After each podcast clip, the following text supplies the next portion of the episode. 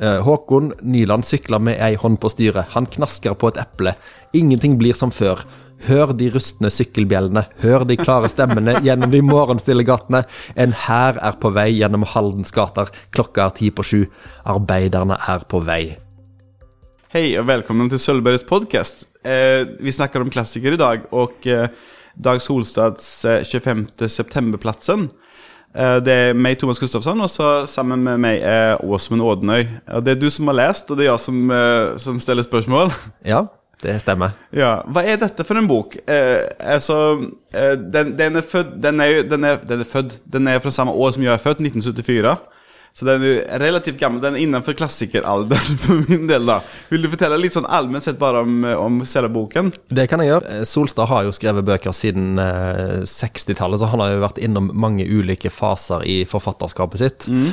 Og eh, etter at han først var modernist og eh, opptatt av mye sånn eh, etteraping av en del sånne forbilder, kan en si, så finner han formen sin eh, med å skrive om den norske norske venstresida, og eh, det topper seg, vil jeg si, i denne boka fra 1974, som heter 25. septemberplassen.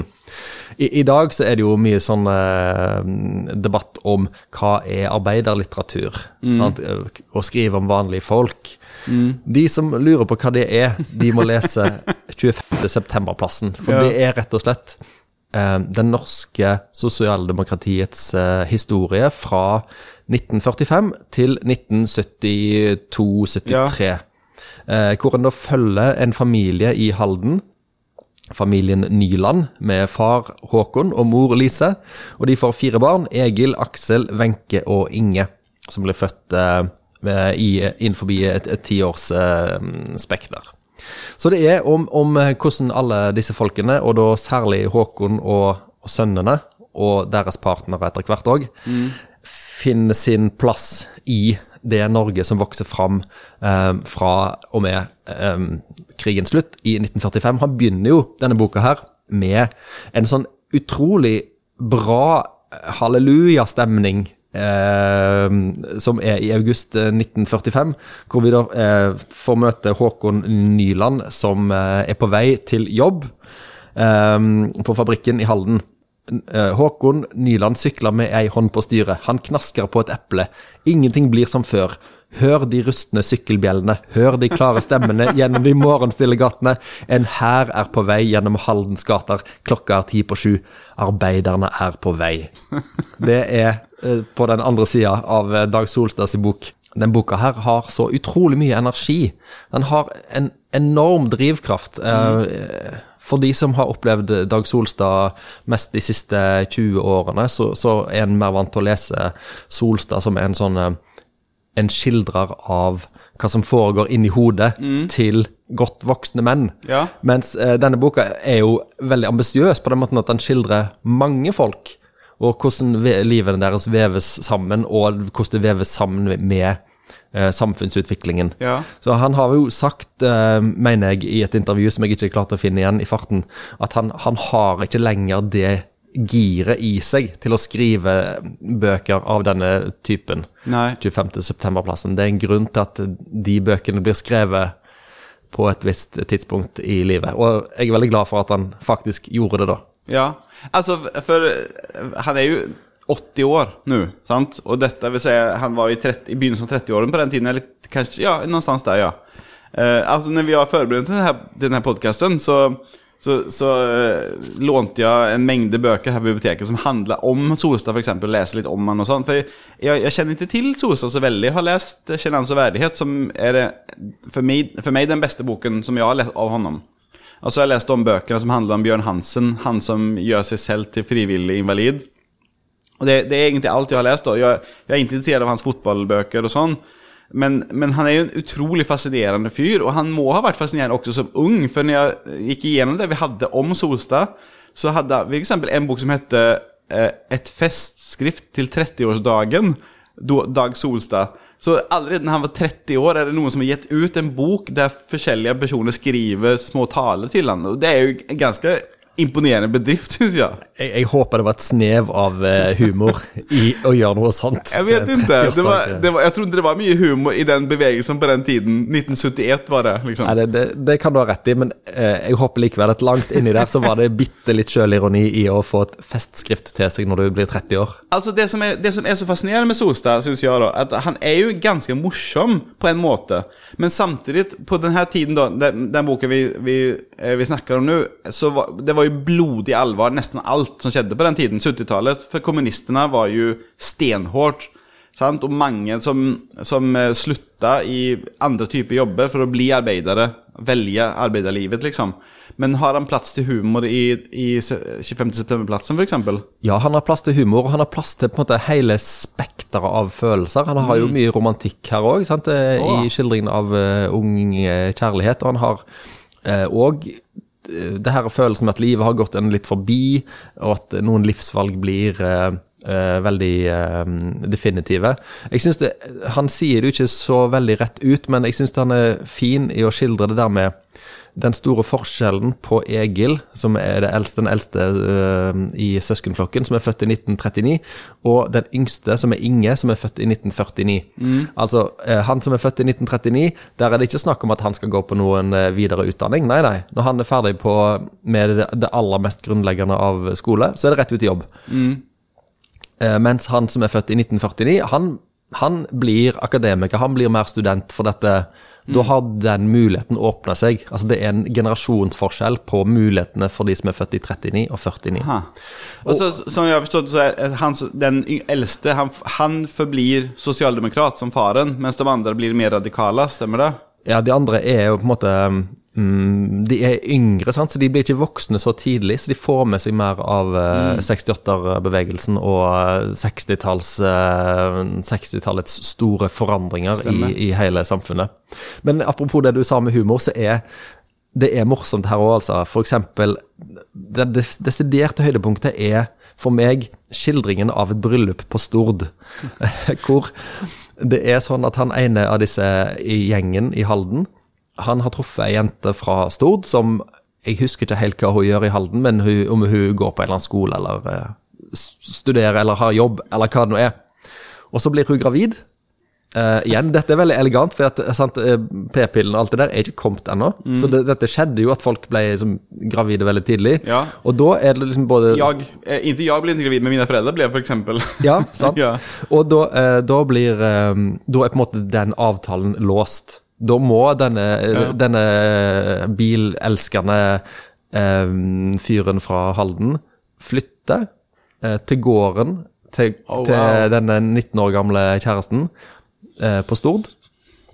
Og bli der, og bli og bo som en slags eh, svigersønn i huset med ganske sånn eh, lav stand, lav eh, standing, heter det, Ja. hos svigerfaren på Stord. Stord. wow, okay. Så han, han blir på en måte dratt ut av sitt eh, riktige element i Østfolds billiv, flytta over til Stord, og, og, og eh, vår mann i boka her, jeg husker ikke hvem av sønnene det er, han, han er forlover og drar over dit, og han blir helt sånn Det blir, eh, det blir en grusom helg, for han, han skriver at eh, det opplevdes nesten som et ran. Jeg vet ikke om det er akkurat det ran han bruker som ord, men det at det, som, hun, hun, ko- hun kona hadde Hun som er da blitt gravid og har gifta seg med den eh, karen, uh, hun har på en måte triumfert. Og han spør liksom, var det, bare, var det bare et spill? Var det liksom du som var så glad i å sitte på i bil og liksom hoie på nede i Østfold, og så nå det, elsker du å gå med sånne brudekjoler, og du skal rett inn i liksom det husmorlivet. Ja. Og, og stakkars min kamerat som har havna i dette greiene. Eh, det er veldig bra. Og da er det Åge, da, som har gift, gifta seg. Åge hadde vent seg til dette. Han sto foran presangbordet og takka for gavene og fortalte hvordan alt skulle komme til nytte. Det var et jævlig bryllup. Aksel, som da er vår, eh, vår mann i den boka, Aksel drakk seg så full at han ikke så land. Så full had, hadde han aldri vært før, parentes, og gjorde skandale. Han ville ikke tenke på det, ikke engang i 1972 orker han å tenke på det. La det likevel kort bli fortalt. Han reiv ned bryllupsgavene som sto på presangbordet. Presangbordet var pynta med en hvit damaskduk. Vel, Aksel tok tak i skjøten og dro til. Vel, så lå alt sammen på gulvet, da. Krystallboller og faenskap. Vel, nå er det sagt. Jeg må bare spørre litt, for dette, det, det her er noe som eh, kalles kollektivroman. Hva innebærer det? Det innebærer jo at en har ikke én eller to hovedpersoner, men en har flere hovedpersoner. Ja. Og gjerne hvor livene veves inn i hverandre. Og det gjør de jo automatisk når de er i familie. Og Så det er pappaen og sønnene som er hovedpersonene? Pappaen, som Pappaen- forteller fra sin eget perspektiv, på en måte? Nei da, det, det er, det er noe av det gøye her, at fortellerstemmen her er en allvitende forteller som ikke, ikke er redd for å liksom virkelig bryte opp midt i teksten, og ha liksom to siders eh, slags eh, leserbrev om hvor, ga, hvor gale det står til i Norge. det, og det er en ting som eh, kanskje ikke så mange redaktører ville sluppet gjennom i dag, men jeg syns det er veldig gøy at Ja. eh, Plutselig så, les, så er det akkurat som du leser et eh, leserbrevspalten i Klassekampen i 1973, når, du, når eh, forfatteren har lyst til det. Og så er vi tilbake igjen og forteller om hvordan det går med familien eh, Nyland. Ja. Eh, så, så hovedpersonen her er jo på en måte arbeiderklassen sjøl, og kanskje byen Halden. Og, og kanskje dette, denne fabrikken som alle i Halden har et visst forhold til, og som mange av disse personene jobber på. Um, og det finnes òg et eget kapittel som er nesten form, en form for gravejournalistikk. Hvor forfatteren, og jeg tror det er, jeg tror det er hold i det han skriver, han, han ramser opp hvem som styrer fabrikken, eh, hvordan de er i slekt, hvordan slektene i Halden er, er innvevd i Er det ekte, liksom? Det Jeg tror det. Jeg skal ikke si det for sikkert, men det, det, oppleves som som, eh, som som godt researcha, iallfall. Ja. Eh, sånn at det, eh, sånn at det begynner, Denne boka begynner med at Håkon, som er faren i familien, han får et kapittel. Og da følger vi han fra 1945 og fram til han mister jobben tidlig på 70-tallet, som en del av en måte, den generelle avindustrialiseringen av Norge, hvis en kan, kan kalle det det. Ja. Og, og det er jo noe av, noe av Solstad sitt prosjekt her, er at arbeiderklassen i Norge er blitt svikta. Selvfølgelig av kapitalistene, Ja. det skulle bare mangle. Men de er òg blitt svikta av Arbeiderpartiet. Ja, altså, Håkon Nyland har mista jobben, og forfatteren eh, spør, sånn spør oss, eller litt sånn retorisk ut i lufta. Hvem stilte han spørsmålene til? Stilte han spørsmål om hvorfor ikke arbeidsfolk etter over 35 år med Arbeiderpartiet ved makta kunne være garantert retten til å arbeide? Stilte han spørsmål om hvorfor ikke arbeidsfolk kunne være trygge? Stilte han spørsmål om hvorfor ikke arbeidernes eget parti hadde greid å sikre folk mot slag som dette, etter at de hadde hatt makta i dette landet i over en menneskealder? Stilte han slike spørsmål? Nei, han stilte spørsmål om hvorfor dumme og udugelige kapitalister, bla, bla, bla. bla, bla. Men det, han, han, han mener på en måte at eh, Han stiller Arbeiderpartiet mot veggen eh, like mye som Ja. han stiller veldig Arbeiderpartiet mot veggen, spesielt eh, Arbeiderpartiet sitt ja-standpunkt ved e EF. EEC-avstemningen i 1972. Ja, For dette er på en måte en sånn anti Det heter jo ikke EU på den tiden, da, men uh, i Sverige heter det EG. Ja. Uh, det er en anti-EU-bok, på en måte. ja. Eh, men de stemte jo nei. Det ble jo nei, rundt det det? Ble nei, og det er jo forfatteren òg veldig fornøyd med. Det kommer Ja. mange sånne jublende setninger over hvor bra det var at Norge stemte nei. Ja, Det, det syns jeg virker interessant, det her som du sier, at den er så entusiastisk, den boken. For et av de sitatene som jeg fant ut mens jeg gjorde research, er um, at Solstad sier sånn på privaten, da, i en, i en sånn samtaleintervju han gjør, der sier han det er, sjelden jeg, det er sjelden jeg trives med å skrive, men det hender jeg blir oppglødd. Da bør man slutte. Hvis jeg rammes av skrivekløe, vet jeg at det må kastes dagen derpå. ja. Men her høres det ut som at han egentlig er ganske entusiastisk og oppglødd. For meg så er, er dette skrevet i en slags eh, toppen av entusiasme. Ja. Ja. Det er veldig mye adrenalin i, i disse linjene i 25. september-plassen. Men for, for meg så er på en måte eh, Solstad en, en forfatter som er sånn han er, han er veldig kompakt, på en måte. Det, det føles som at hver setning er perfekt og nøye utarbeidet. Eh, men, men jeg har jo Altså Det eldste jeg har lest av han, er vel den um, 'Kjenner han så som er fra 94, tror jeg. Så hva, Er han så presis også i sine eldre bøker? Jeg, jeg vil si at han er mye mer boblende og sprudlende, Okay. og uh, det er jo prestist på sin måte, og det er ikke sånn at du uh, Du lurer ikke på om det er noen andre som har skrevet det, det er lett å, å, å lese Solstad sin, eh, sin signatur i alt som står her, men det er ikke Det er nok ikke den tilhogde, veldig sånn finslipte stilen som du refererer til. Nei. Det er det ikke. Han har ju ganska hög, hög alltså han, han, ser, han sätter sig själv ganska högt som författare. Han, han vet vilken position han har och han är helt enig i att han borde vara där. Så en annan sån ting han säger om sig själv är eh, ju bedre man skriver, ju mindre blir markedet. Det högst begränsar hvor mange som vill ha glädje av å lese mine bøker. Men, men sånn som du forteller meg nå, så er det jo ikke helt sant. Det virker som at dette er en bok for mange. Det vil være ei, ei bra sånn mimrebok for de som er i Solstad sin generasjon. Aha. Um, og så vil det være ei bok som alle norske nåtidsforfattere som lurer på hva arbeiderlitteratur er, de bør lese denne. Og så må de prøve å kanalisere litt av Solstad sin energi over i de prosjektene de måtte ha liggende på harddisken sin. Men funker dette i dag? Ja, Det er jo et tidsbilde, Ja. selvfølgelig. Men mye av det funker i dag. Altså, han skriver f.eks. om eh, hvordan Norge stemte nei til EEC i 1972. Eh, og han refererer det til en, en del krefter som, som en eh, kan godt kjenne igjen fra eh, Trump og, og brexit. Altså, Ja. ikke, at, ikke at det var de synspunktene som, som gjorde at vi stemte nei, men at, at det var et utløp for en slags avmakt, for en slags frustrasjon, for en slags eh, protest mot å bli bestemt hva du skal synes om ting. Ja. Altså den der eh, folkelige oppstanden når, når som hele norsk presse og NRK, som var ene rådene, var for. eh, At det da likevel ble nei i 1972. Noen av de mekanismene slo meg veldig som, som moderne og som evigvarende. At eh, hvis folk eh, føler seg tilstrekkelig eh, bestemt over, så vil de på et tidspunkt eh, Opponere, liksom. Opponere. Selv mot sine egne interesser, egentlig mange ganger.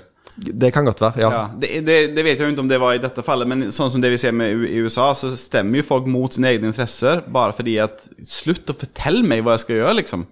Så det, men det, det, det som vi kommer inn i i denne serien med klassiker vi snakker om, så, så kommer vi ofte inn på hvor moderne det føles. Uansett om boken er 100 år eller 200 år. Som Jane Austen, samtalene folk fører, selv om de har litt sånn høflighetsfraser innimellom, er jo menneskelig likevel. Og det gjelder, virker som det gjelder også for denne, da. Ja, absolutt. Så det er grunn til at de ses på som klassiker. Ja, og jeg, jeg, jeg er imponert av det at Solstad skrev denne boka i 1974, og da er det ikke gått så lang tid siden, siden krigen. Altså, eh, 60-tallet har akkurat vært, men han klarer likevel å på en måte gi det et, et perspektiv som mange andre nok måtte ha trengt å ha hatt mye mer avstand da, Ja. for å kunne skapt. Sant? Det er vanskelig å se de lange linjene i noe som akkurat er avslutta. Jeg er helt enig. Det, det, det er jo liksom ikke sånn at 60-tallet er slutt bare fordi at vi skriver 1970. Sant? Den der Tidsstrømningene tar jo ikke slutt bare plutselig. Ja. Så det, det er ganske kult at du kan se det i et historisk perspektiv, selv om du egentlig på en måte ennå lever i det. Ja, og det historiske perspektivet syns jeg eh, duger ennå. Det er fortsatt Mm. um, veldig relevant, det han skriver om, om eh, 1945 til 1972, selv om det jo er veldig, veldig gammel bok. Den er vel 40 eh, Jeg syns den er gammel. Jeg syns den akkurat passer gammel. Den er 48 år i 2022. Hva er det han heter nå? Han, han, eh, den lille fyren til Astrid Lindgren, eh, Karlsson. Ja. Han sier at han er en mann i sin, i sin beste alder. ja. Det sier vi om denne også. Dette er en bok i sin beste alder. Ja. Um, og uh, hvis en har uh, lest det nye Dag Solstad, så bør en prøve seg på uh, 25. septemberplassen fra 1974. Jeg, ble, jeg fikk veldig lyst til å prøve på den, for det, jeg, jeg likte tanken på en sprudlende Solstad. Ja, og så har han jo dette som du har nevnt før, at titlene hans er jo litt rare. Ja, det var det jeg ville spørre deg om, Eh, ja. 25. septemberplassen. Um, han har ofte tall i titlene sine. 11. roman, bok 18, roman 1987. Uh, så den der uh... Og så har han noen sånne helt enormt lange, som er opptil flere setninger. 25. septemberplassen er jo en kort tittel. Men kapitlene derimot, f.eks. har titler som dette. Ei kjærlighetshistorie mellom den hjemvendte sjømann, nå skiftarbeider Aksel Nyland og lærerskolejenta Toril Karlsen fra Larvik. Jeg elsker det. Jeg har alltid tenkt at om jeg noen gang får skrevet en bok, så har jeg lyst til å ha Det er en sånn liten beskrivelse av hva som skjer. Jeg syns det er så kjekt. Og så vi- vitner det på en måte med sånn overskuddsenergi, sant? Jepp. Det syns jeg òg. Men har, eh, har han noen gang fortalt noe om hvordan han tenker med titlene? For den, den her boken er jo på en måte en konkret ting, Men, men sånn ellers med hans titler, har han sagt noe om hvordan han velger Og tenk at han har fått lov å ha sånne titler på bøkene. Jeg har ikke hørt noe om det, om det er han sjøl som gir bøkene titler, eller om han har en, eh, et forlag som har en uh, er sånn ukjent fag, tittelkonsulent. tittelmakere. Tittelmaker, ja.